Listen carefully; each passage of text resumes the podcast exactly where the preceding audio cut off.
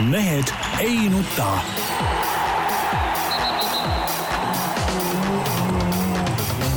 mehed ei nuta.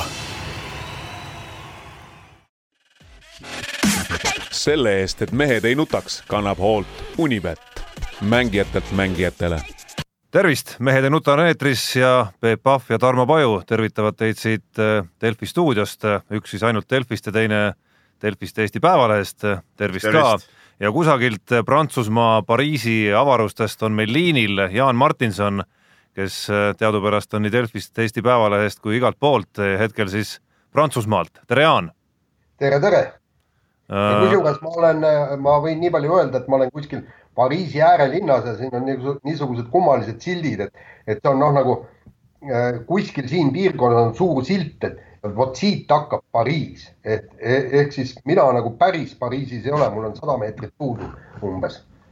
ahah, no sind ei saa lasta võib-olla nii tähtsasse linna. no võib-olla küll.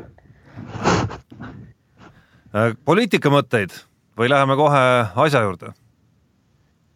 ei tea, poliitikast ei tea siin midagi, siin on muud asjad siin tähtsamad, tennis on tähtsam kui poliitika. No aga räägime siis tennisest, kui just Peebul praegu ei põleta midagi. mul ei, ei tule nagu, pole Eestis nagu mingit erilist poliitikat äh, tehtudki siin viimasel ajal või ei, ei tule nagu, nagu, nagu suurt, suurt midagi ette. aga siis ei ole mõtet ka aega raisata, sest äh, saate teemasid kokku pannes oli näha, et äh, et sporti on tehtud päris, päris kõvasti ja. ega midagi huvitavat ei ole. no midagi huvitavat ikka vast tundub, et on küll aga alustame siis sellest, äh, miks Jaan on Prantsusmaal ehk et Prantsusmaa lahtised meistrivõistlused tennises on alanud, Anett Kontaveit on oma esimese ringi noh, no minimaalse närvikuluga ütleme või natukene rohkem kui minimaalse närvikuluga läbi teinud, Kaia Kanepi on välja langenud, Jürgen Soppi ootab oma esimese ringi mäng veel ees. Jaan, sinu esmamuljed äh, koha pealt? no kui me hakkame nüüd Kontaveidist pihta, siis Äh, muljed on mitte isegi kahetised, vaid kolmetised. et äh, vaatasin seda mängu Madison Brangliga ja kui äh, Anett suudaks mängida pidevalt nii, nagu ta mängis esimeses setis, siis ta jõuab väga kaugele. ma olen selles küllaltki veendunud. samas, kui ta mängib nii, nagu mängis teises setis, siis ta ei jõua mitte kuhugi. ja kui ta mängib nii, nagu mängis kolmandas setis siis on äh, komsa, et, et äh, võib, äh, võib võita ühe, võib-olla kaks ringi, aga, aga võib ka mitte võita, et no siin ongi, kõik asi on niisugune kummaline ja kahtlane, et Tanetil oli enne turniiri väiksed tervisehädad, palavik, mingi külmetushaigus, ei saanud korralikult trenni teha, et, vähemalt see oli nagu põhjuseks, et miks teises setis see mäng nii lagunes, aga no ma ei ole kindel, et, et, et see nüüd ainus põhjus oli, et seal äh, kadus ühel hetkel keskendumine ära ja ta vaatas, et jube lihtsalt tuleb see võit kätte ja, ja siis, siis äh, läkski, läkski see mäng niimoodi ära, et äh, kuidas teie seda mängu seal nägite, vaatasite no, no minu arust oli ju täitsa lambivastane, et selle põhjal mingeid järeldusi teha, et see esimene sett oli nüüd hiilgav, noh, ta peabki kuus-üks võitma siukseid, noh, mis on normaalne. Peep, ma, ma siin, siinkohal lõikan vahele, et, et esiteks ta ei olnud nii väga lambivastane, okei okay,. see oli üheksakümmend üheksa või mis ta on või?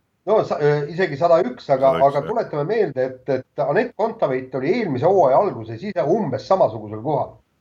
et, et, et, et see, et sealt näitabki, et, et kui, kui meeletult on ta muidugi esimese või ühe aastaga edasi läinud. aga teine asi on ikkagi see, et, et noh, ikkagi need sada pluss mängijad võivad ka jube valusalt hammustada. no me näeme pidevalt, kuidas need sada pluss mängijad hammustavadki ja, ja neid üllatuskaotusi esimestes ringides tuleb pidevalt ette, aga teisalt oli ka väga hästi ikkagi näha, et noh, oleks ikkagi kuritegu kaotada sellisele vastasele, kellel sisuliselt ju mingit lööki ega mingit õiget relva nagu ei olnudki peale selle, et suutis kuidagi vastase noh, mängu natukene ja mõttemaailma sassi võib-olla ajada no ütleme nii, et, teises setis ikkagi ta hakkas äh, küllaltki niimoodi tagasi ajama neid palle, okei okay,, ta ei olnud liiga liikuv, et, et seal, seal oligi niimoodi, et, et kui sa enam-vähem need pallid sinna kasti said, siis oligi korras, et mäng, mäng oli tehtud, aga jah. noh, vaatame, mis siit edasi nüüd. Äh, nüüd tuleb äh, kahtlase, kahtlane rumeenlanna vastu, et noh. mis ta kahtlane on? ei no selles selles mõttes, et noh, inimene on sada viiskümmend edetabeli kohaga, sada viiskümmend pluss, aga ikkagi, ikkagi sai, sai niisuguse kena võidu ja noh. no Jaan, kui me räägime sellest, et Kontaveit eh, võiks või peaks eh, sellel turniiril jõudma kuhugi kõrgele, siis ma ütlen ikkagi, kordan oma mõtet, et eh, lambi vastased, kes on tabelis kohtadel sada või sada viiskümmend, tuleb igal juhul võita ilma igasuguse jututa ja, ja, ja, ja selle põhjal mingit järeldusi teha ei saa, et, et et tõelise järeldusi saab teha siis, kui sa mängid ikka mingi omasugust. no kolmas ring peaks tulema. Ja, ja mitte lihtsalt omasugune, vaid, vaid väga kõva, vaid väga, väga kõva juba.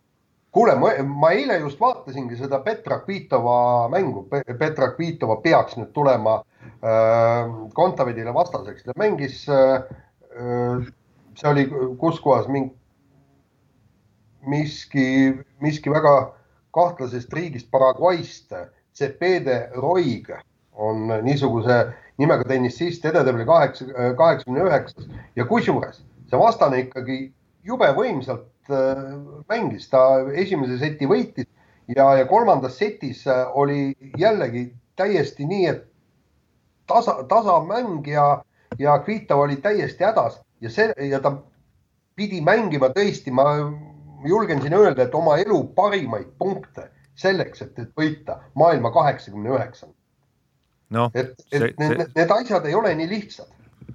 Need asjad ei ole nii lihtsad, aga võib-olla siin mingi esimese ringi faktor mängib ka, aga räägime Kaia Kanepist parem, tundub, et äh, noh, ütleme need mängujärgsed jutudki olid temaga isegi huvitavamad ja, ja jätsid küsimusi õhku rohkem kui siin Anett Kontaveidiga, kelle turniir ju jätkub ja ja kelle õiged mängud justkui peaks sellel turniiril veel ees olema. üks siis Kaia Kanepi noh, pettumus enda mängu üle teine, mis ma justkui lugesin Jaan su loost välja, võib-olla lugesin seda natuke nagu rohkem välja, kui seal oli, et, et selline nagu segadus või, või selgusetus, et, et mis Kaia Kanepi karjäär üldse edasi tuua veel võiks. ja kolmandaks siis muidugi see noh, ütleme siis väike arvete klaarimine mida Kaia Kanepi tegi eh, seoses sellega, kuidas tal, tema ja meedia ja tegelikult peaks olema seal osalisi muidugi veel, sealt vahelt on ikkagi must kass läbi jooksnud. no see must kass oli tegelikult ju teada, see ei olnud nagu vähemalt meediainimeste jaoks küll mingi uudis. ja ei, seda nii, mitte ja lihtsalt esimest korda Kaia Kanepi kommenteeris midagi ja. pärast siis seda, kui ta Federation Cupil ei osalenud.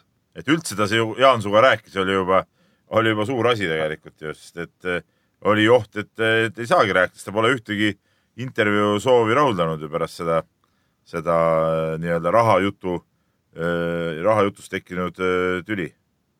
no ütleme niimoodi, et ma, ma tõesti ei oska öelda, kuivõrd käsu korras nad intervjuudele tuuakse, tähendab, seal on ikkagi niimoodi, et, et kui sa palud mängijalt intervjuud, siis, siis, siis see mängija ka tuleb ja räägib sinuga, no ütleme niimoodi, et, et Kaia oli küllaltki tõrges aga no ilmselt oli põhjus ikkagi selles, et, et ta väristas selle mängu väga jõuliselt äh, Kassatkina vastu ära, et tegelikult oli täitsa võidetav vastane, no kaks, kaks korda on võitnud äh, küll äh, kõvakattega väljakul viimase poole aasta jooksul Kanepi siis Kassatkinat, aga ja jah, noh, seekord oli, oli tõesti, seal palju ei olekski vaja olnud Kaia ei mänginud esimeses setis sugugi oma parimat tennist, aga kogu, ometi oli kogu aeg oli, noh, mäng oli siiski võrdne. ühe servi murdega ta kaotas selle, selle äh, seti. aga siis ta lagunes ikka täitsa ära, et väljak jäi hästi lühikeseks ja kitsaks ja võrk oli kõrge tema jaoks ja, ja sealt enam mängu ei tulnud ja ega ta oli loomulikult pettunud ja, ja, ja selle üks osa tõrksusest oli ilmselt ka see, et noh, nagu ta ütles, et tund aega pärast mängu, no mis ma oskan öelda, mis ma edasi siin teen, et ma ei tea veel, kus ma mängin, mida ma teen, et ta on vähemalt Wimbledoniks üles antud ja mängib äh, East, Eastbourne'i turniiri ka enne seda, et nii palju on selge. aga see on ju tegelikult uudis, oli jutt, et Wimbledonis ei mängi ju. vot seda ma ei tea, vot ma. mis mõttes ei tea, no see käis igalt poolt läbi ju, et ta Wimbledonis ei plaaninud mängida alguses. no jah, vot see ongi see, et, et käis läbi, eks, aga tema, tema enda suust neid sõnu paraku kuulda ei olnud, sellepärast et ta tõesti meediaga suhelnud tavaliselt äh, turniiridel pärast mängu.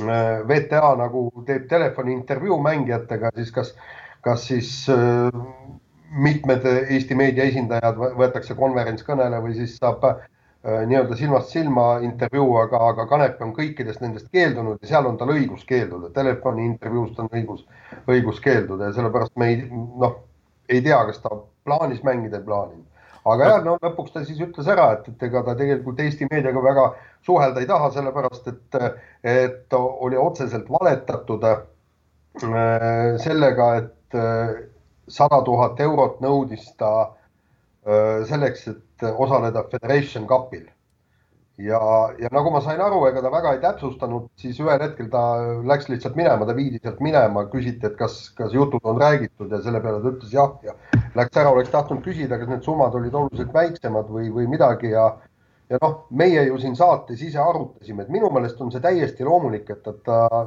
küsib sellises vanuses, kui tal on piiratud arv mänge võimalik mängida aasta jooksul, lihtsalt tervis ei kannata rohkem minu meelest on täiesti äh, loomulik, et ta küsib mingisugust äh, kompensatsiooni nende mängude eest. no me arutasime ka seda, et, äh, et noh, kui see summa tõesti nii suur on, nagu välja käidi, et siis see tundub paljuvõitu muidugi, aga mulle tundub, et kas siin natukene Kaia ei peaks ikkagi nagu en, enda sisse ka vaatama, et et temal oleks olnud ikkagi võimalus, mille ta jättis ju kasutamata kogu aeg, ka midagi öelda sekka selles teemas, aga ta ei teinud seda ju. õige ka, mis sa räägid kogu aeg, noh mina selles suhtes. mitte kogu aeg, noh. nüüd olla nagu... pahane selle peale on natukene selles mõttes nagu imelik. ma nagu pooldan seda äh, intervjuude mitteandmist tegelikult, sest äh, õige, aga mis sa, mis sa hakkad seletama, keegi ajab mingit soga, no mis sa hakkad selle vastu seletama. ja mõtlen nagu meedia antud juhul oli pigem siiski nagu selles mõttes vahendaja, et see oli nagu tenniseliidu juhtkond eelkõige, kes üldse selle teemaga välja tuli, isegi Federation Cupi eelsel pressikonverentsil äh, meeskonna, mis ta nüüd oli, või naiskonna peatreener või kapten tuli selle teemaga nagu välja, nagu see oleks kõige tähtsam teema, et et minu arust peaks nagu sinna oled, olema see kõige suurem nagu pahameel suunatud. tahtmata, tahtmata siin kuidagi nagu nii-öelda mingit oma tsunfti pesta või kuidagimoodi. ei no jaa, aga tegelikult me ju ei teagi, kumb pool ju praegu õigust räägib, et, et eh, Jaan seal võttis muidugi kohe Kanepit pooldava poole, noh, tegelikult me ju ei tea ju, kas siis oli nii või ei olnud nii, et, eh, et noh, nüüd Jaan näita üles uuriva ajakirjaniku taset ja uuri välja, kuidas see asi tegelikult oli siis no mul ei ole siit sul on ju, sul on ju tennisejuhid on seal kõik kohapeal ju nojah, kui, kui ma neid kohtan, ma võin neid küsida, et. ei no mis nüüd kohtad aga..., no sa võtad nendega ühendust. eetri, eetri, eetri kaudu saad töökäsu. nii nagu Viimses reliikvias otsid üles, maa alt ja maa pealt. eetri kaudu saad töökäsu, olgu, olgu üles otsitud ja see asi täpsustatud ja küsitud. mis deadline on? no deadline on homne leht. aa, nii kaua annad aega? no aga leht, Tarmo, on ju põhiline mitte Delfi Delfi, sinna lähevad sa, väiksed asjad. siin sa eksid, aga öö, vahetame teemat, sest teemasid on tõesti palju ja, ja võistlusi on olnud palju. Eesti kümnevõistlus tundub, et on elamas vägevat ärkamisaega välja, ärkamise aega üle ja, ja Kõtsise kümnevõistlus, üks võistlus, mida me, Peep, mõlemad oleme väisanud sinuga nii mõnedki korrad ja millega seoses on meil helged mälestused, pakkus selgi korral siis, tõsi, seekord ilma meie osavõtuta vägevaid emotsioone, ehk siis Maicel Uibo nihutas oma rekordi üle kaheksa tuhande viiesaja punkti ja Karel Tilga tegi siis oma elu esimese sellise tõsise meestevõistluse ka ja ja jõudis ka ikkagi väga korralikule kaheksa tuhande ühesaja punkti tasemele juba. no ütleme nii, et eh, minu jaoks oli see ikkagi pühapäeva suur, suur sündmus, suurem kui see Kontaveidi mäng, paralleelselt küll vaatasin ühte pidin siis jälgima kümnevõistlust siis nagu ka töö pärast, kui ma pidin ka otseblogi tegema ja, ja teist siis vaatasin poole silmaga telekast. aga, aga no väga värk, vägev värk tegelikult see Maicel Uibo selle hooaja, kuidas ma ütlen, nagu esile kerkimine peale siukest äh, äh, vaiksemat perioodi, kus siin oli palju ebaõnnestumisi äh,, küll nullide saamist, küll siin vigastusi, äh, vigastusi ja, ja muid probleeme, siis sel hooajal kõigepealt aprillikuus äh, korralik rekordiparandus ja nüüd veel üle saja punkti juurde, et, et äh, ütleme sada viiskümmend punkti võrreldes äh, eelmise rekordiga on praegu juurde tulnud, et see on, see on päris korralik parandus ja, ja nagu ma aru saan mehe jutust, võib EM-i ajaks, Berliini ajaks, augustiks siis veel sinna lisa tulla ja, ja see on ka suhteliselt loogiline, sest et praegune rekord tuli ju niimoodi, et ühtegi isiklikku rekordit ei püstitanud, oli ainult eos isikliku rekordi kordamine et, et kui räägitakse, et eh, kümnevõistlus on, on siis õnnestunud, kui teed mõne isikliku rekordi ka, et, et noh, kui, kui mõni rekord ka juurde tulla, siis siin nagu punktivaru on tegelikult kõvasti. no sadat joosti kusjuures veel kerges vastutuules, tõkkeid joosti korralikus vastutuules mm. -hmm. et eh, selles suhtes eh, ei oleks midagi imelikku, kui Uibo teeb sel hooajal veel siin kaheksa tuhat viissada viiskümmend või isegi natuke peale ja see oleks juba EM-i mõttes ikkagi, ikkagi medalimäng ilmselgelt. no väga selge medalimäng, sest äh, ütleme, osasid konkurente ta võitis juba, üks mees pudenes üldse konkurentsist välja üsna segastel asjaoludel, ehk siis Rico Freimut. ja, ja sealt, kui vaadata seda nagu ringi, siis noh, Kevin Maier on, kes peaks Rattingenis vist esimese võistluse tegema sel, sel hooajal, kes peaks ka selle ala valitseja olema, aga sealt edasi ei näe küll ühtegi eurooplast, keda Michael Uibo isegi mitte ei võiks võita, vaid ei peaks, ei peaks võitma, võitma, vähemalt praeguse nii-öelda nagu tulemuste taseme ja selle järgi, et, et Michael Uibol kõik justkui nagu sujub.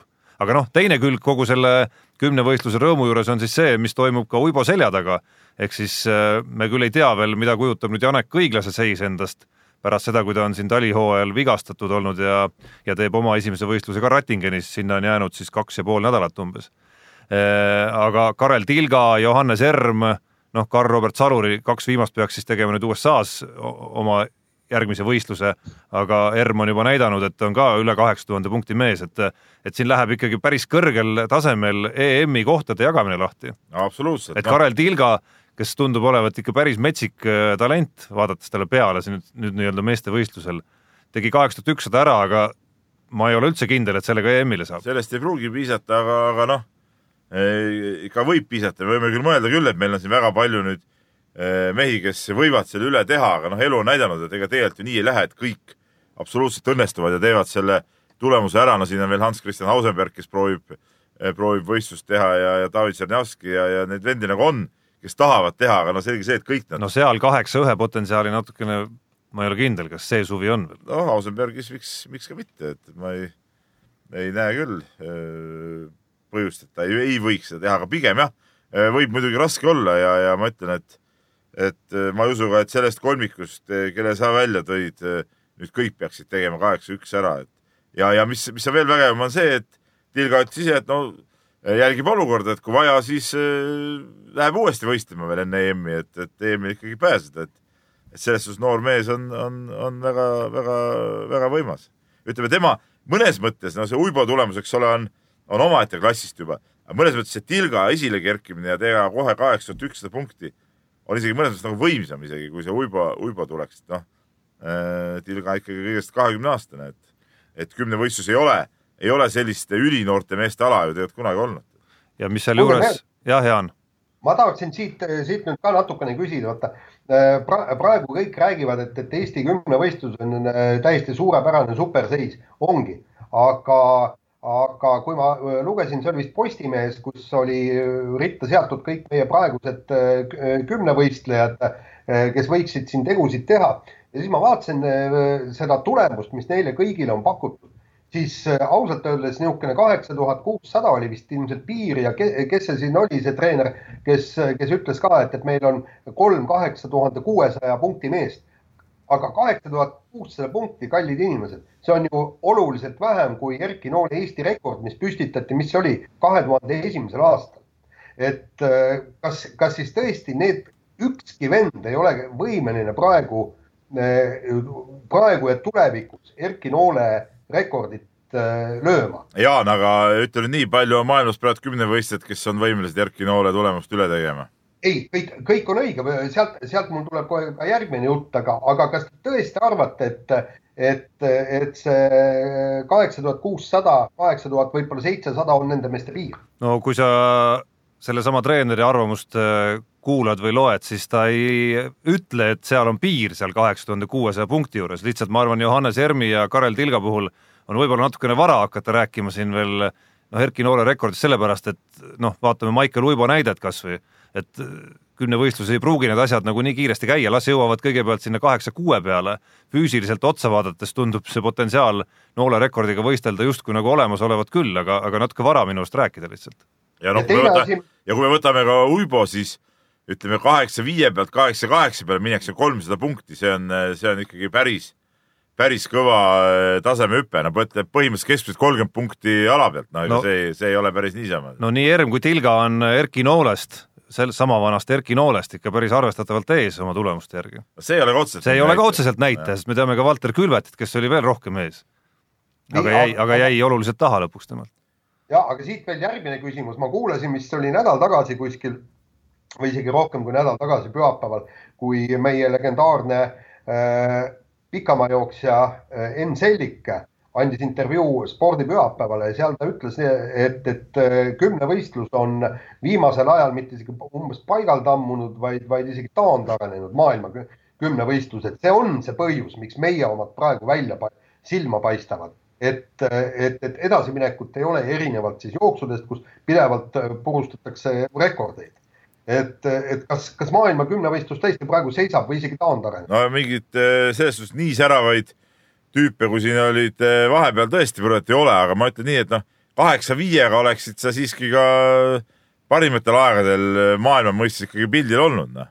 küll mitte jah, ma ei ütle, et sa peaks, et eh, MM-il medalit sellega saaks, aga, aga, aga, aga pildi küll, aga selles suhtes on muidugi õigus, et ega ega siukest. Ei ole kõige paremad ajad praegu. ülikõva taset ei ole praegu, aga tuleb lähtuda sellest, mis on hetkel, no ei ole mõtet mõelda sellele, mis kunagi oli, ütleme tiitlivõistluses maksab ikkagi see, kes äh, saab seal kõrge koha, minu meelest võiks Uibo teha seitse tuhat üheksasada punkti ja tuleb sellega Euroopa meistriks, on sellega Euroopa meister ja, ja see ongi ülikõva, sest see on sellel hetkel nendes oludes nende konkurentide vahel parim ja nii ongi. Noh.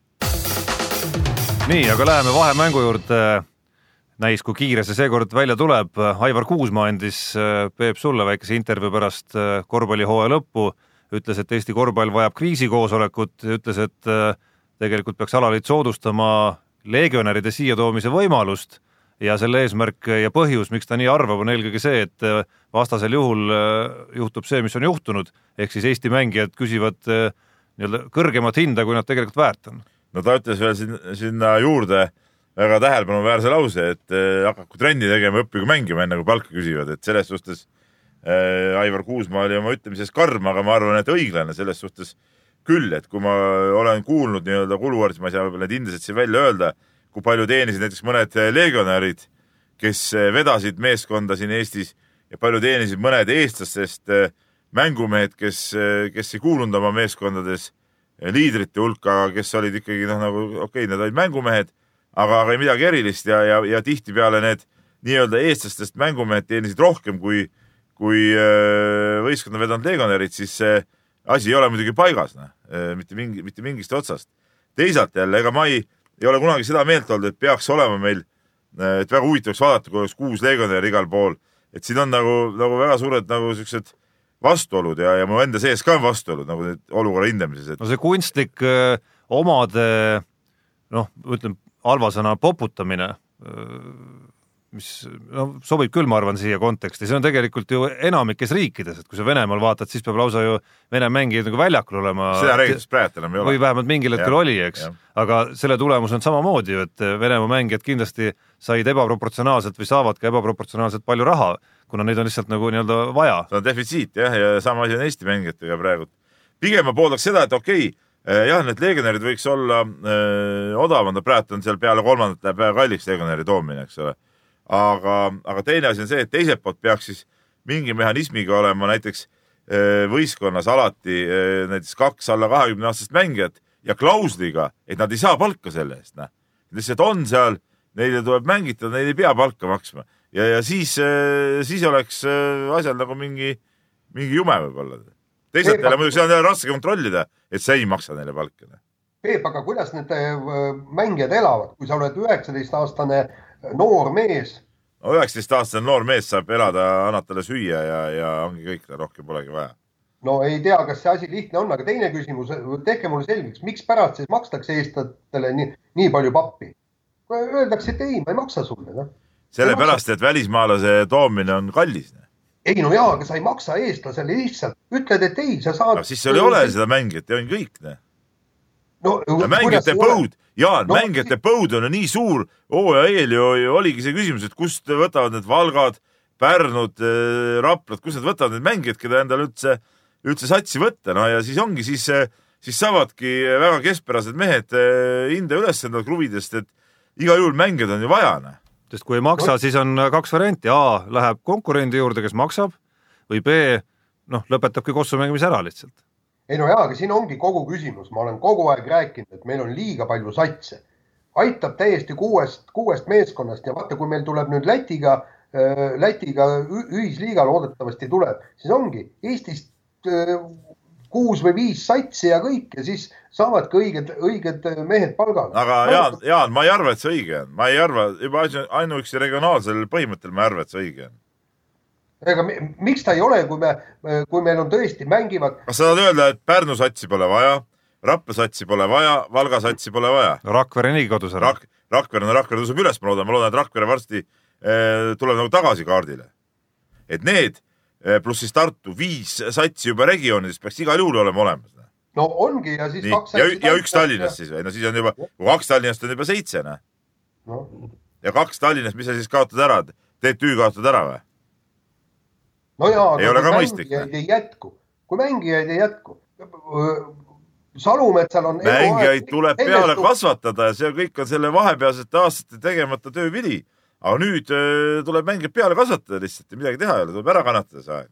Needsamad mängijad, kes peale kasvavad, nad kasvavad peale väljamaal ja nad ei tule siia Eestisse, nad lähevad mängima ka piiri taha. ainult väljamaal nüüd ka ei kasva, see ei ole ka päris, päris õige jutt, eks siis, eks see on näha, mis, mis saama hakkab, aga noh, selles suhtes ma ütlen, et, et eh, noori tuleb eh, klubidesse igal juhul nagu vägisi juurde tuua ja sa, teisalt eh, võiks tõesti võib-olla selle välismaalaste raha küsimise piiri natuke lõdvendada, et, et see, siin on Kuusmaal kindlasti õigus. aga vahetame teemat äh, ja vehklemistüli ei vaibu ja õhus on isegi variant, et Irina Embrich, meie kõige ütleme, kõige kõvem vehkleja ikkagi, et Irina Embrich läheb isegi Vehklemisliidu vastu kohtusse. on see, on see, Jaan, reaalne variant? no ma miskipärast arvan, et, et see ei ole väga reaalne, no Irina Emrich on, ta on, ta on sitke daam tõesti, aga ma, ma ei usu, et ta hakkaks, hakkaks niimoodi kemplema, kuigi noh, mina ei oska öelda, kas Vehklemisliit pani ikka omadega täiesti, täiesti puusse kogu selle äh, Irina Emrichi väljajätmisega ja, ja noh, kui ma rääkisin Irina Emrichi ja äh, Eesti naiskonna peatreeneri Kaido Kaabermaaga, siis, siis mõlemad ütlesid, et, et kõike seda äh, probleemi oleks võinud ju lahendada ka teistmoodi. et, et, et tõesti anda peatreenerile vabad käed ja, ja noh, ütleme niimoodi, et, et seal on asjad ikkagi niivõrd sassis ja see ei tule kindlasti ei naiskonnale kasuks siin Euroopa meistrivõistlustel ega MM-il ega ei ole ka tulevikus äh, on väga raske Katrina Lehisel, kes nüüd äh, nii-öelda vägisi pressiti see individuaalturniiri vehklema, mis tegelikult oli nagu õige, aga, aga just see, et, et vehklemisliidu juhatus on järsku targem kui, kui äh, maailmameistrite äh, individuaalsed treenerid, sellepärast et Eesti naiskond on ju valitsev maailma. Jaan, oota, ma segan nüüd vahele. sa saad isegi aru, et see treenerite valik ei olnud ka päris adekvaatne tegelikult ja nad valisidki ainult nagu seda võistkonda, et selles suhtes ja sa ise olid ka sellega päri, et Lehis pidi saama oma võimaluse EM-il. küsimus Jaa. on ju tegelikult selles, et kuidas, kuidas seda tehti. no kõige lihtsam lahendus oleks äh, olnud ju, et äh, viis, viis võistlejat igal juhul EM-ile ja peatreener vaatab, keda paneb võistkonda individuaali tingimusel, et kõik peavad saama äh, vähemalt ühe, ühe võimaluse, nii et äh, see oleks kõige mõistlikum lahendus, muud midagi ja, et selles suhtes öelda, et otsus, et Lehis sinna saata on vale, see, see, see ei ole õige, õige jutt, aga õige on õige jutt on see, et juhatus lihtsalt pani oma selle äh, uute, ütleme, ta lõhkus nagu, nagu kehtestatud raamid ära ja ehitas uued raamid nagu ümber, mis, mis nagu oli, oli jura tegelikult. just, aga vot siin oli, olekski võib-olla võ- võinud nende treeneritega nõu pidada, nii, me otsustame nüüd niimoodi, et, et Lehisele äh, anname variandi vehelda individuaalturniiril, kõik, sellega on nõus, aga nüüd, kallid äh, treenerid äh, ja peatreener, et mõtleme, kuidas nüüd edasi mis kallid treenerid. üks treener on ainult olemas see, kes. ma võtaks ka selle jutu ainult niimoodi kokku, et on absurd, et kui on peatreener, siis tuleb peatreenerile ka otsustamiseks mingid volitused anda. vastasel juhul ei saa ta ka vastutada tulemuse eest ja kogu lugu tegelikult. ja no ja see tähendab seda, et vehklemisliit peab omal, miks ma nendest peatreen-, nendest individuaaltreeneritest räägin, on see, et, et meil on ju kirjas, et äh, valivad, sellega ei olnud ju, ei olnud ju äh, nõus ega rahul inimesed sellega, et äh, Kaido Kaaberma valib naiskonda, sellepärast see reegel muudeti. ja aga see ei olegi mingi demokraatia koht, kus kõik peavad nagu rahul olema, et et Ja- enamikes süsteemides, spordisüsteemides see nii käibki just, on peatreener selleks, et teha neid otsuseid, kui peatreener ei saa nii-öelda tellija arvates ehk siis vehklemisliidu arvates hakkama, siis vahetatakse treener välja, kogu lugu noh.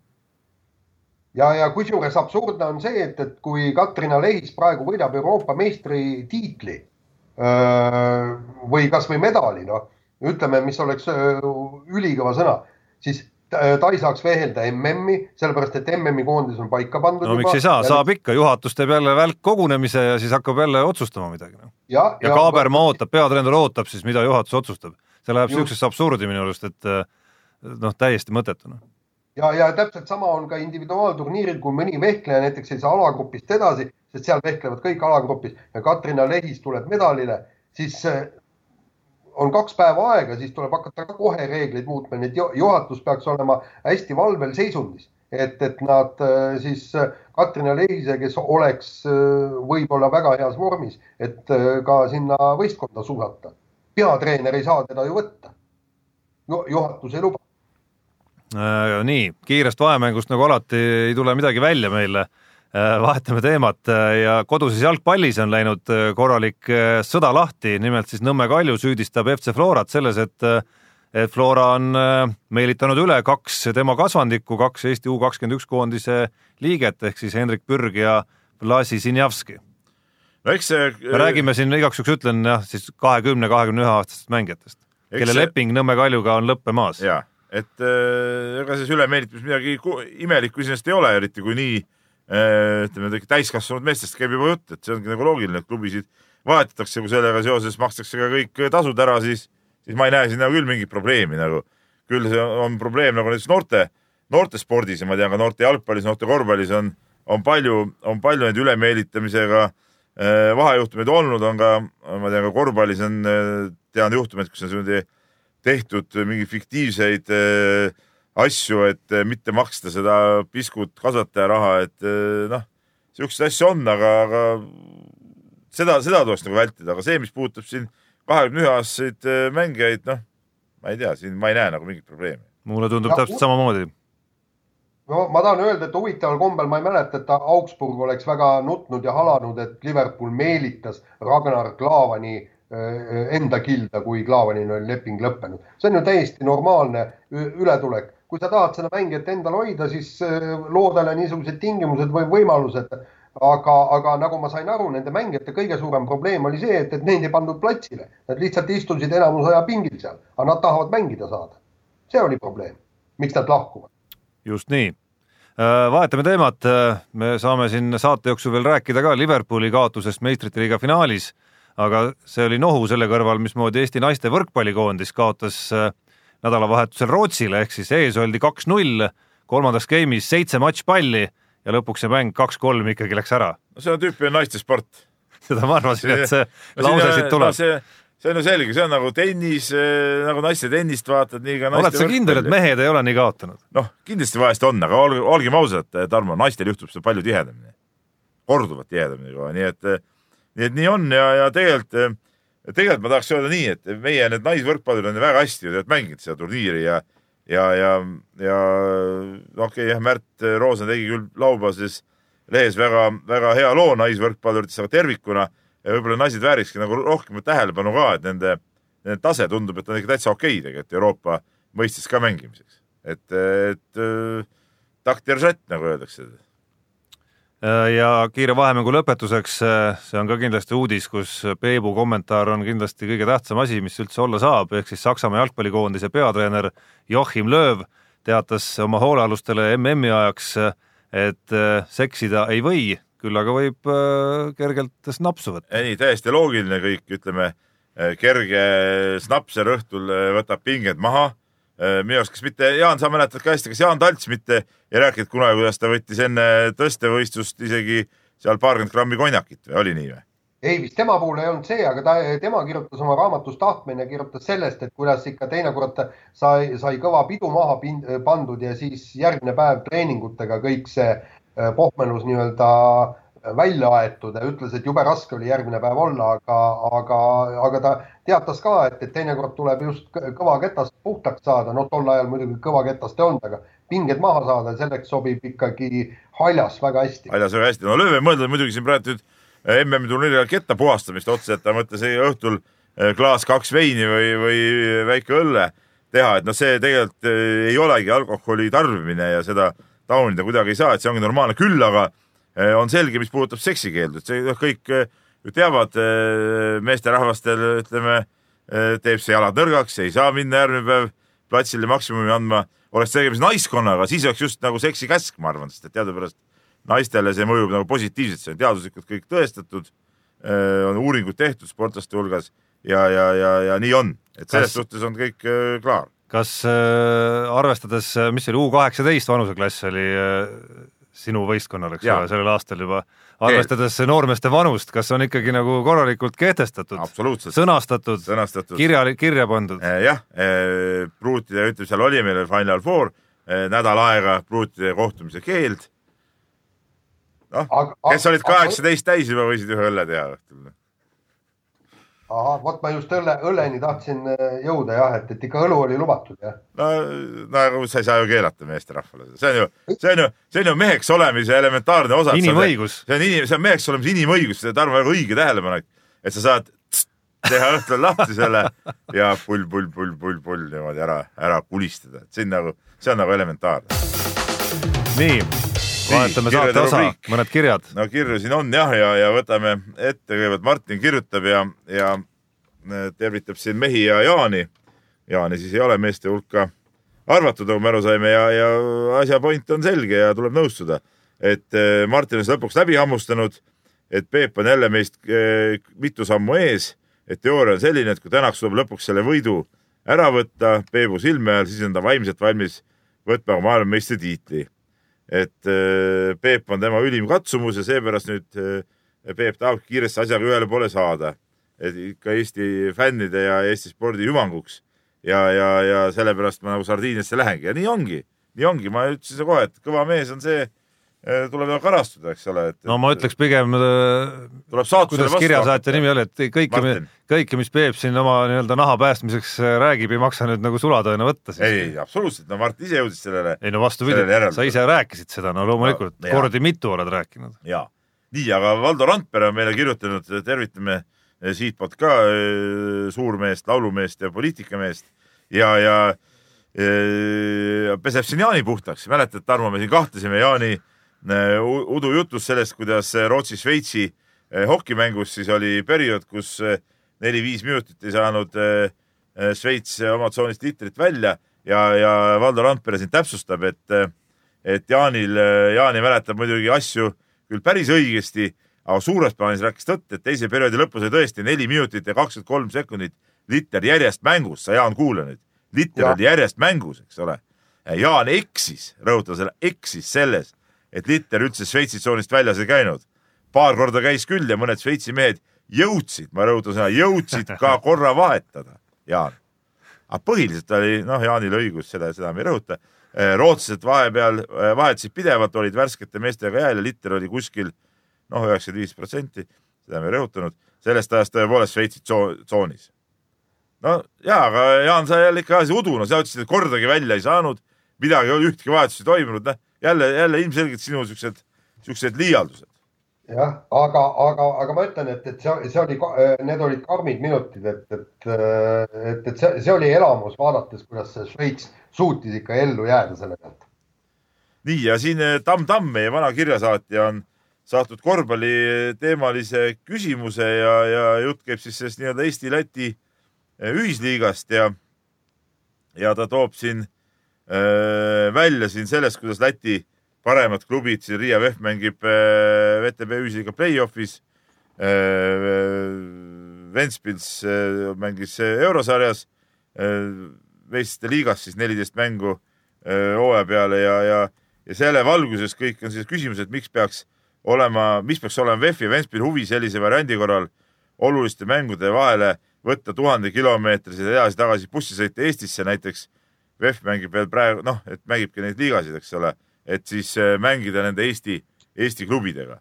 et see on üks, üks äh, küsimus kindlasti, et kui seda ühisliigat teha, eks ole, et siis peaks kõik need äh, nii Kalev, VEF, Ventspils, kõik peaks. Ainult siis on mõte sellel, jah. nagu pointi, aga selge see, et, et Ventspils äh, tuleb, noh, mängib äh, siin, ma ei tea, mingi nõrgema võistkonnaga, noh, kas see pakub neile midagi, et, et kuidas see präänik nende jaoks nagu, nagu maitsvaks äh, vormitakse. noh, selle jaoks on kindlasti vaja, et äh, meil oleks pakkuda vastu ka ütleme siis Kalev Cramo, mitte ainult Kalev Cramo, aga aga ka Tartu näol vähemalt mingisugune nagu konkurentsi nagu tõstev element ka selles liigas. no seda ma teile kogu aeg, viis meeskonda Eestist, äärmisel juhul kuus ja, ja tugevamad meeskonnad. aga ja, mitte Jaan, Jaan, ära, ära nüüd hakka uuesti, ära hakka uuesti patrama.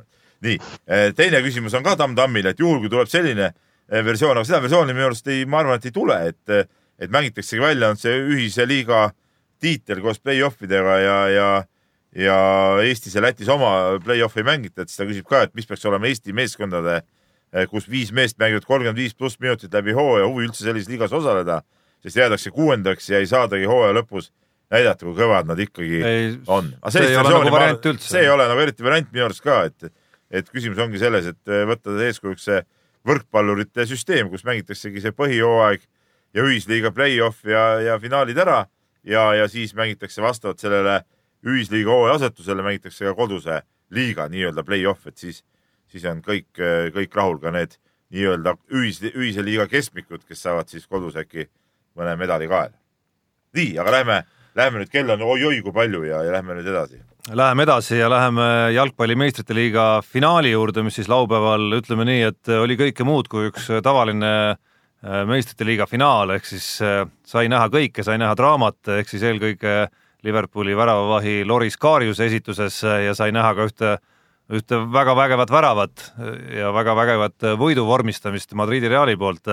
aga noh, teema number üks, mis sealt sellest finaalist meelde ikkagi jääb, mis seal salata ja igavesti jääb, isegi, isegi rohkem kui see Bailey vägev käärlöök, on ikkagi see, mismoodi oli võimalik sellisel tasemel, et et üks mees ja antud juhul Liverpooli kahjuks osutus see väravavahiks niimoodi sai läbi põleda, ilmselt oli see läbipõlemine. No see on nagu huvitav värk, tegelikult ma mõtlesin ka pikalt selle asja peale, mul oli Kaarjusest tegelikult väga, väga kahju, kõik see, kõik see, mis seal nagu pärast on ka toimunud ja, ja, ja need mingid videod ja materdamised ja asjad, noh, see kõik on, on jura, eks ole. Aga värava saatus on üldse nagu karm tegelikult. väravat teeb kaks prohmakat, võistkonnale tuleb kaks väravat. kui palju prohmakaid teevad platsi peal mängijaid tegelikult, eks ole, mis, mis niimoodi mängu kunagi ei mõjuta ja, ja mida võib-olla ei panda alati isegi tähele, et nad tehakse mingi, mingi loll sööt ja, ja, ja antakse pallid ära. no keskkaitsjatel on ka sarnaseid prohmakaid, eks ole, on võimalik otse jalale sööta ründajale, kus tuleb värav. Need, on kõik saatuslikud prohmakad, eks ole, mida, mida väljaku mängijatel ongi nagu raske teha, et selles suhtes on väravõttide äh, saatus on väga karm tegelikult. muide, äh, mulle meeldis äh, Mart Poomi arvamus just Kaarjuse sellest teisest prohmakast, kui ta, kui ta selle Äh, kauglöögi sisse puterdas. ja ma lugesin ka Jaan seda, ja.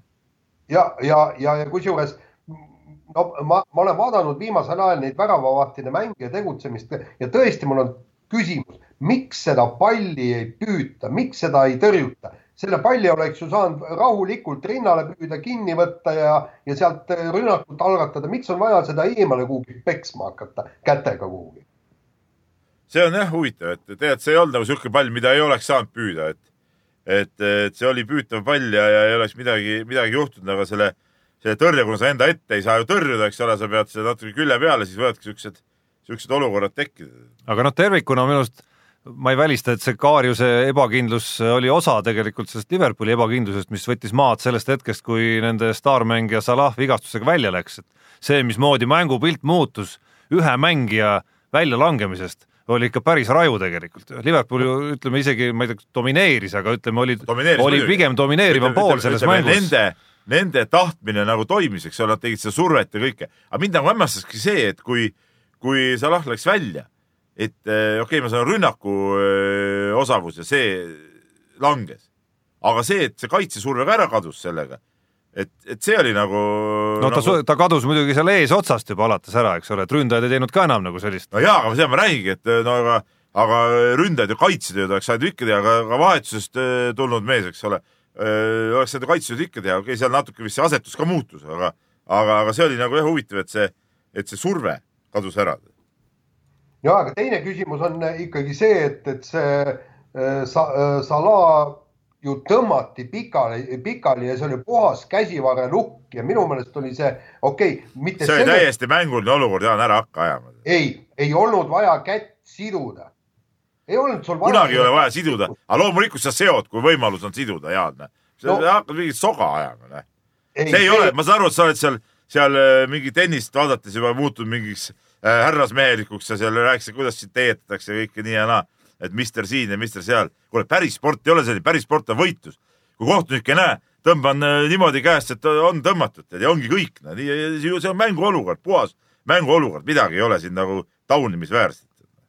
no ei tea. no midagi, midagi erakordset seal nüüd küll ei olnud. küll aga kui tulla alguse juurde tagasi, siis see- seesama Loris Kaarjuse nagu personaalne draama on mi- mingi selline asi, mis noh, mille peale mõte vahepeal ikka läheb, et huvitav, mis sellest mehest nüüd nagu edasi saab, et mismoodi sellisest asjast välja tulla. seesama stseen, kus ikkagi Madridi Reali esindajad olid need, kes läksid äh, lohutama teda sinna, aga ükski Liverpooli mees ju ei läinud. et noh, nüüd otsitakse võitjatele muidugi hea minna ka seda lohutust no muidugi on hea minna jah, ja teiselt, teiselt poolelt, kui sa oled nii-öelda oma mees, eks ole, noh, sul on nagu tun-, tunnete mingi virvarr, et ühest küljest äh, sa nagu tahaks teda lohutada, teisest küljest, et mees, sa tegid ikka nagu nii absurdsed asjad, noh. et ei olnud No. no. nagu mingisugune üks mingisugune täielik ebaõnn, vaid, vaid nagu noh, kaks uskumatut prohmakat ikkagi. kuule, vaat selle lohutamisega on ju täiesti nii ja naa, et sa läheksid ja räägiksid ju sellele vennale valet, sellele äh, väravahile, kui sa läheksid, patsutaksid õlale ja ütleksid, et noh, pole midagi, elu läheb edasi, noh, kõigil juhtub nii. sa ju tegelikult ei mõtle, sa tahaksid sinna äh, venna juurde minna, et kurat, sa sittusid meie mängu ära praegu. mees, mida sa tegid? see on ju see, mida sa tegelikult tahaksid talle öelda. ei no jaa, Jaan, Jaan, aga kas ülejäänud võistkond ei sittunud ära või? kes keelas neil nelja väravat lüüa näiteks, noh? milles asi oli No, ah, ei, ei, kuule, aga milles asi? tema lasi kaks tükki sisse, teised oleks võinud lüüa ka siis, no okei no okay.. vastaste väravat näed ei lasknud Ei, no kahte kuule. samasugust no.. no seal ei tekkinud väga olukordigi pärast. eks seal midagi ikka oli no ka. nipet näpet. pärast ei tekkinud korra käis seal postis pall ja niimoodi, aga löönud sisse, mis sa posti lõid selle palli, kuule mees, pane sisse see pall. Peep, kuule, kuidas sulle oma mängijatega, kui nad ikkagi ei, kuule, ma küsin Äkki- su käest, miks ründajad ära käkkisid, miks ta posti lõi, miks ta sisse ei löönud palli, ei no, no sa võrdled nüüd natuke võrreldamatuid asju muidugi noh. miks? kuule, Kaarjuse värav prohmakas on ju suur. jaa, no okei okay,, Kaarjuse prohmakas versus see, et ta lõi posti on ju kohast, kus oli kõva sõna, et ta postilegi pihta sai. näe, seda ma räägingi, et eh, see on tegelikult ebaõiglane eh, selle väravaga siis väravaht eksis, aga ründajad ka eksisid, üks seal võtab, lööb eh, vahest, ma ei tea, kümne meetri pealt kümme meetrit üle ja mööda, eks ole.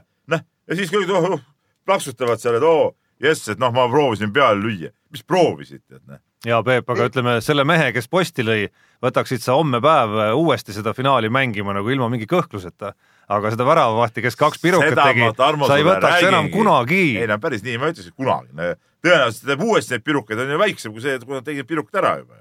no ma ei ole selles protsent on jälle, jälle, jälle nagu meie kasuks. ära tõenäosusest Peep rääkima hakka, see ei tule sul hästi välja, vahet vahetame parem teemat. Meilis teema siin kahele mehele rallisport ja WRC sari on nädala jooksul saanud huvitava arengu, ehk siis Chris Meek on Citrooni poolt põhimõtteliselt lahti lastud. ma ütlen, et täielik lollus, täielik lollus. Citrooni pole endal ühtegi sõitjat. võtsid selle Mats Ösbergi, see ei oska sõita ju. tal pole kiirustki ju, Chris Meekiga võrreldes.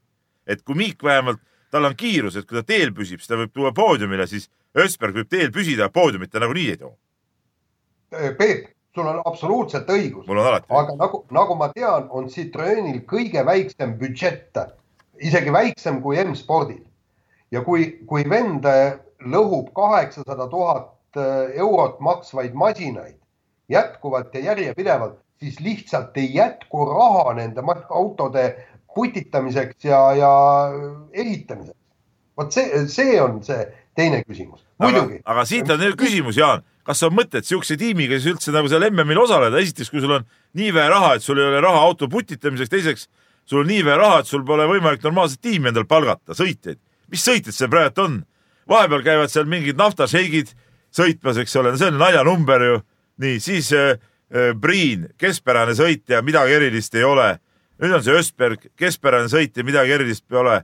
Miik äh, lõhub autosid ära, noh, aga mis, mis sa siuksest tiimist üldse paned endale kokku siis, noh? tead, aga see, aga mul ongi tegelikult hirm, et ühel hetkel lihtsalt Citroen ütleb, aga mul ei ole mingit hirmu, siuksel tiimil polegi mõtet, mis sõidavad seal või sõida, vahet ei ole, tead. no ikkagi äge, nojah, tähendab, ütleme niimoodi. no ega nad sel hooajal, ma Jaan korra segan, nagu peale lööbi osalemise ei ole midagi nagu ägedat pakkunud muidugi MM-sarjas. No aga vähemalt ma ütlen, selles mõttes on no kehasid, keha on teinud, võib ütleme., Miik võib midagi pakkuda. Miik on ju äge sõit. ja, aga teised ei paku nagunii mitte midagi. aga siin kuskil arvati ka, et, et see korraldus võis tulla ikkagi nagu äh, reaalselt päris, päris äh, ütleme kõrgemalt tasemelt kui, kui see tiimi enda juhtkond. et see võis ka nii olla, ütleme seal tehase poole pealt isegi. oled sa liinil, Jaan või? Ja ei olen küll. Ma, ma, ma just ütlengi see, et, et seal on, võibki kõrgemalt poolt, nad vaatavad, et, et pagan, et raha meil ei ole, et, et noh, seal ja kõrgemal pool, ega, ega nad rallist ka ju väga võib-olla ei pruugi jagada ja see oligi põhjus, miks see Miigile aga nii-öelda. teine asi, teine asi on muidugi see, et kui Citrooni vennad oleks nagu targad, vaata millise hiilgava äh, reklaami nad saaksid kasvõi sellest viimase avarii põhjal.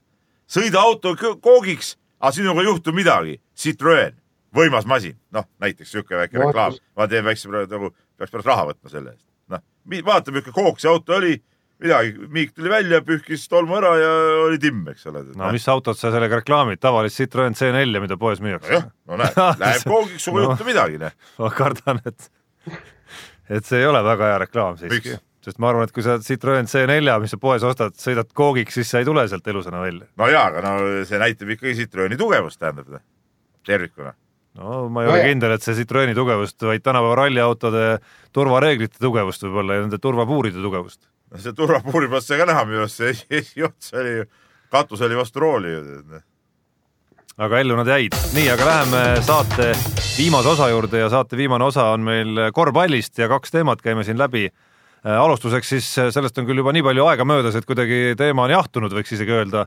ehk siis BC Kalev Cramo tuli neli-null võiduga Eesti korvpallimeistriks. no nii palju ei olegi, see oli neljapäeval alles, täna No- on teisipäev, pole nädalatki jah möödas,. lihtsalt aga uusi teemasid nii palju peale tuleb. no uusi teemasid ja ega seal mingit intriigi ka ei olnud, et ei tekkinud, ütleme siukest asiotaaži, me mäletame võib-olla peale vägevamaid seeriaid on siin nädal aega saanud kirjutada veel mingeid järelkajasid ja praegu polnudki nagu eriti midagi kirjutada, et et, et eks ta, eks ta nii on. neli-null, nii kõik läks nii nagu pidi minema, ega siin noh, Tartu siis meie ütleme eelmise saate jätkuna viimases mängus üritas siis vähe nii-öelda agressiivsemalt peale aga minna sulle. kohe, et see ei kesta. no nii palju see, mulle see isiklikult meeldis taaskord, noh, kuna ma ise ajasin ka seda, seda kui joru, ütleme siis nii. kuna Jorupit vähemalt öelda. no vähemalt kolm veerand aega, peaaegu kolm veerand aega oli finaalseeria kõige põnevam mäng võib-olla. lihtsalt see taustateadmine, et seeria seis on kolm-null, et noh, noh, mis siit ikka enam nagu tuleb, ei olnud see põnevat midagi, see oli selge, et see ei kesta lõpuni ära. aga noh, nagu tervikuna suures pildis peab äh, nagu sinu enda Peep seisukohti välja, väljaütlemisi arvestades olema nagu selles mõttes rahul, et Kalev Cramo tegi selle ikkagi nagu kindlalt ära, et et noh, see näitas natukene võib-olla seda, et, et see mäng, milleni Kalev Cramo Kairise juhtimisel nagu jõudis hooaja teisel poolel, noh, ma ei saaks öelda, nüüd oli mingisugune super ja super Euroopa tase, aga aga oli selline korralik mäng, mille pealt ma usun nüüd, kui tuli ka uudis, et Donaldas Kairis jääb meeskonna ees etteotsa, et siis selle pealt on võimalik nagu nüüd mingi samm veel edasi teha ja ja, ja see nagu sisendab iseenesest optimismi järgmiseks hooajaks. absoluutselt. see oli, see oli nüüd, kui me räägime, mis nagu edasi saab, ma arvan, meil sellest finaalseeriast ei olegi mõtet eriti pikalt rääkida, mis edasi saab, siis see, et eile tuli äh, uudis, et äh, Kairis tõepoolest jääb ja et klubi nii ruttu selle asja ära lahendas äh,. see on äh, viimaste aegade üks positiivsemaid asju, et, et nüüd saab hakata kohe ka ütleme, no Kairisel kindlasti olid seal omad äh, nõudmised ja soovid, mis ta tahab teha saab hakata nende asjadega tegelema kohe juba praegu mai lõpus ja, ja hakata ka meeskonna komplekteerima, et keda tahetakse jätta, keda mitte. noh, ma saan aru, et siin Eesti mehi kindlasti üritatakse kõiki jätta alles, et, et äh, keda legionäridest ja, ja, ja selles suhtes on, on okei okay ja, ja ma loodan, et nüüd Kairisele ikkagi natuke tullakse vastu klubi juhtkonna poolt nii palju kui rahaliselt on võimalik. et ta saab ikkagi oma äranägemise järgi nüüd selle meeskonna komplekteerida, nüüd oleks nagu huvitav vaadata, mis sellest meeskonnast siis saab, kui ta saab saab tuua sellised välismaalased, sellised mehed, kes, kes talle tema stiiliga hästi sobivad. praegu ta pidi ikkagi ju mängima nende kaartidega, mis olid tegelikult teiste poolt talle kätte antud ja siis ta võttis sealt, sealt nii-öelda enda maksimumi, et, et selles suhtes see, see oleks nagu huvitav. no ja huvitav oleks näha ka, mis äh, nagu, mis positsioonidele, mis järjekorras ta nagu rõhku hakkab panema ja mis mängija tüüpe ta siis otsima hakkab, et äh, seda nii-öelda liidri ja tagamängija otsingute nurjumist iga, iga hooaja teemat, eks ole, oleme näinud juba piisavalt, et ma tahaks väga loota, et sel hooajal kuidagi käib see, see osa ka nüüd palju kiiremini, et et meeskonna kõige tähtsamaid osasid ei pea veel septembrikuus või, või isegi oktoobrikuus kuskilt taga otsima. absoluutselt, nii, nii tahaks ja, ja ma usun, et seal hakatakse tooma ikkagi siukseid äh, agressiivsemaid äh, mängijaid sisse, et, et noh, et ta on ju rääkinud, kuidas ta on suur kaitse nii-öelda huviline ja kaitse. no esialgu me nägime küll ainult Esi, nagu rünnaku poolt, mis tõusis uuele tasemele, et, et me ei ole, me ei olegi vist näinud, ma arvan, Eesti meeskondi, kes nagu rünnakul nii potentsiaalikad oleks. noh, just nagu selles, mida nad nagu mängus suutsid teha, kui kiiresti suutsid nagu rünnakul mängida ja skoori teha ja kui enesekindlalt visata. ja, ja aga teine asi on see, et et ega nende mängijatega seda nii-öelda uut äh, kaitset võib-olla või päris nii nagu, nagu treener soovis, oligi nagu raske mängida, et seepärast ongi huvitav teha, et kui ta saab nüüd võtta sellised mängijad tüpaažid, nagu ta ise tahab, et mismoodi siis see asi hakkab olema, et selles suhtes see on nagu, see on nagu huvitav äh,. aga punkt number kaks ja värskem teema ja, ja isegi tänasel päeval võib-olla huvitavam teema ehk siis Eesti korvpallikoondise nimekiri avalikustati eile eelseisva suve äh, valikmängudeks ja, ja nüüd on lõpuks siis toimunud päris korralik äh, noorenduskuur koondises ehk siis Kristjan Kangurit ei ole koondises, ei ole Janar Taltsi ja ei ole ka paari nooremat meest ehk Sten Timo Sokku ja Tanel Kurbast. küsimus Nii, nüüd, kas, kas nüüd kauaoodatud noorenduskuur lõpuks ometi või siis vastupidi, et, et kuhu nüüd oli vaja tormata? nii, kuulge, ma vahepeal siin nii palju ütlen, et, et mina olen täiesti, täiesti nõus, las need äh, noored mehed toovad need kastanid tulest välja, neile antakse nüüd võimalus, minge platsile ja tehke tegusid. Teil on nüüd kõik võimalused avatud aga, aga mina lõpetaksin äh, sellega ja, ja marsiksin nüüd praegu äh, mänge vaatama, sest kohe-kohe algavad kohtumised ja ma tahaksin Anett Kontaveidi treeningut siin veel vaadata ja, ja teeme niimoodi, et, et ma loodan, et ma olen nädala pärast ikkagi veel siin äh, Pariisis ja, ja me räägime Kontaveidi jõudmisest veerandfinaali, poolfinaali, vaat et finaaligi. no poolfinaali ta selle aja peale kindlasti järgmiseks teisipäevaks, Jaan, jõudnud ei ole, aga jääme lootma jah, et sa et me sinu nägu siin järgmisel teisipäeval nägema ei pea, nii et. et eks toimetusele ka parem olla kohe tead. Noh. ja absoluutselt. Jaan istub teadupärast nii, et ma pean talle päris tihti nagu otsa vaatama, et. jalad laua peal, kusjuures korda nagu üldse ei ole. noh, vana mees, no mis, mida sa ära painutad tast, noh. et praegu on nagu kohe nagu, nagu meeldiv on olla, Jaan. ja ma tuletan siis meelde Peebu eest praegu, et et käsulaud siis homse leheloo jaoks on kätte antud, et ootan homset lehte huviga, ma arvan, et ma et ma olen, mis kell need äh, lehelood meil üles lähevad, null null null viis vist lähevad üles, et ma kindlasti olen üleval null null null viis, et äh, lugeda siis, Jaan, äh, sinu töövõitudest. kuule, aga teeme niimoodi. jaa. nii, aga me läheme nüüd korvpalliga edasi selle koondise jutuga, eks ole, et, et väga, ma ütlen ausalt, ma lugesin su kommentaari täna, ühest küljest kui väga hirmsasti ma ka ei tahaks nagu hurraatada, et äh, noh, mulle teadupärast läbi ajaloo on meeldinud sellised nagu nii-öelda noortele panustamised, siis, siis minus nagu üks pragmaatiline osa on see, mis, mis jätab natukene nagu või tekitab nagu kahetise tunde ja see on see, see osa just, et tegelikult need selle suve kaks mängu, mis jäänud on, on päris tähtsad mängud ikkagi. et see alagrupi kolmas koht tuleb kätte saada selleks, et mitte, mitte edasi hakata mängima seal nii-öelda madalamale langemise pärast ja, ja ses suhtes mulle tundub nagu natukene võib-olla rutakas, et, et äkki oleks võinud pigem üritada veel, nüüd veel viimast korda teha nagu see nii-öelda nagu nii-öelda vanadega koos see suvi nagu läbi, mis, mis ei ole enam üldse täissuvi, vaid on tegelikult oluliselt väiksem killuke kui varem.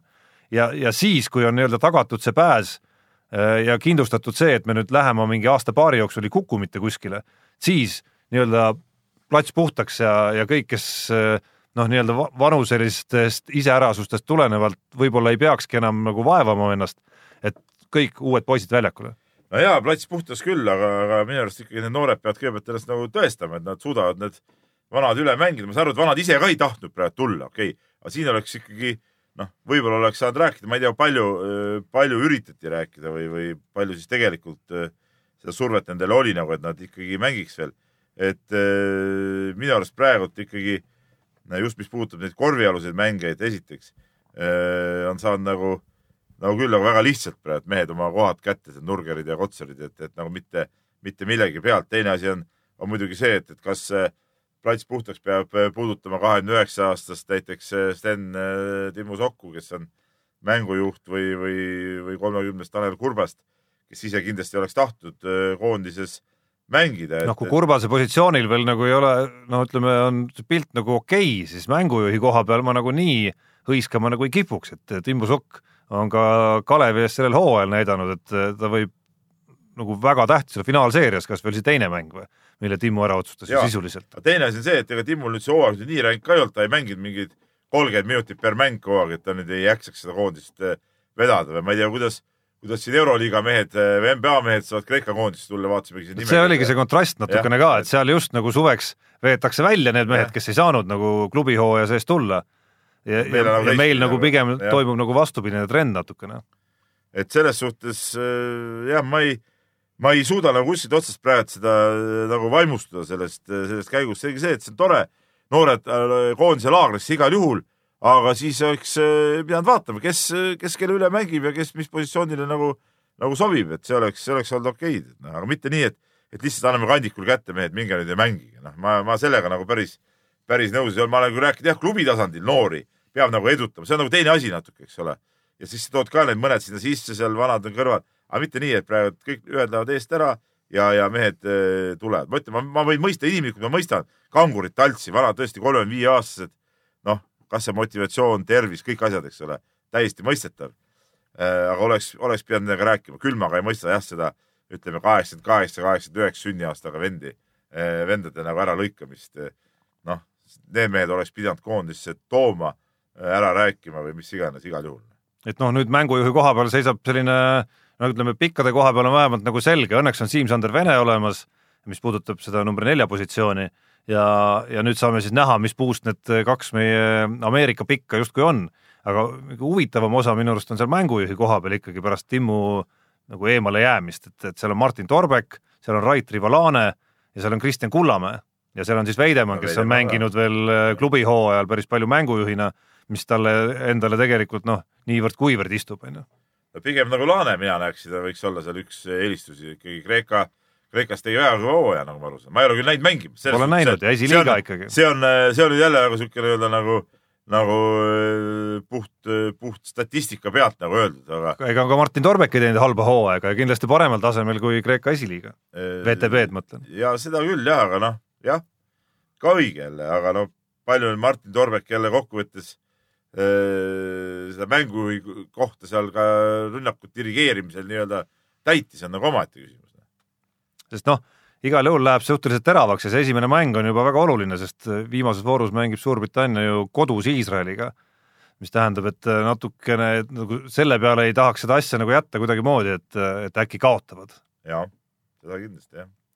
aga lõpetame tänaseks selle saatega, tund on täis ja mõned minutid peale ka veel, loodame, et Jaani järgmisel nädalal me siin ei näe ja saame Peebuga kahekesi olla, aga seniks äh, ägedat suve ja sportlikku ka mehed ei nuta.